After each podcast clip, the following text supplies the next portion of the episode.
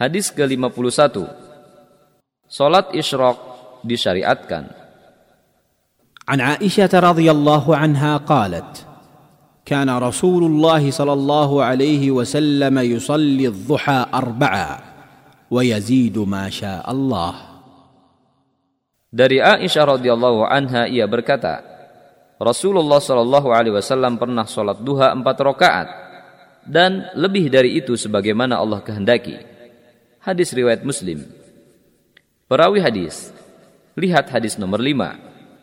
Beberapa faedah hadis ini adalah Salat awabin dikenal dengan salat duha. Waktunya setelah matahari meninggi sejarak satu tombak dan setelah waktu yang dimakruhkan untuk sholat, hingga sebelum matahari tergelincir.